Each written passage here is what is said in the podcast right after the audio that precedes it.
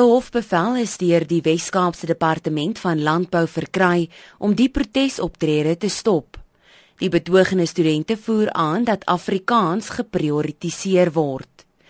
Pietro van Rein van die Elsenburg Landbou Instituut sê hulle wil die leerproses meer inklusief maak.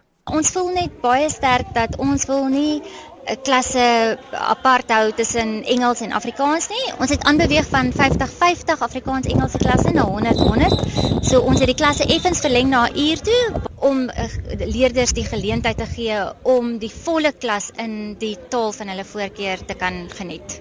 Die uitvoerende hoof van Agri Weskaap, Kaal Opperman, sê hulle hoop die ontevredenheid word binnekort opgelos. Die ledetaal van Agri Weskaap is die Weskaapse Landbougemeenskap. Dis hulle kinders wat daar sit. Dis hulle kinders wat vorentoe gaan.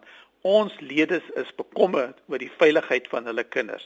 Daar is kinders wat daar sit wat se ouers nie boer nie, wat in die stede werk, wat ons bel en vir ons sê, "Vat ons hand. Ons moet ons kinders ondersteun want hulle wil in die toekoms in landbou ingaan en ons kan nie hierdie meer duld van 'n klein groepie wat inkom en moeilikheid maak en almal staan net terug en te kyk wat aan die gang is. Betogers het beloof om voort te gaan met hul protesoptrede ten spyte van die hofbevel. Nie betogende studente is egter baie ongelukkig oor 'n verlies in onderwystyd. Hierdie verslag van Linden Kaan in Kaapstad.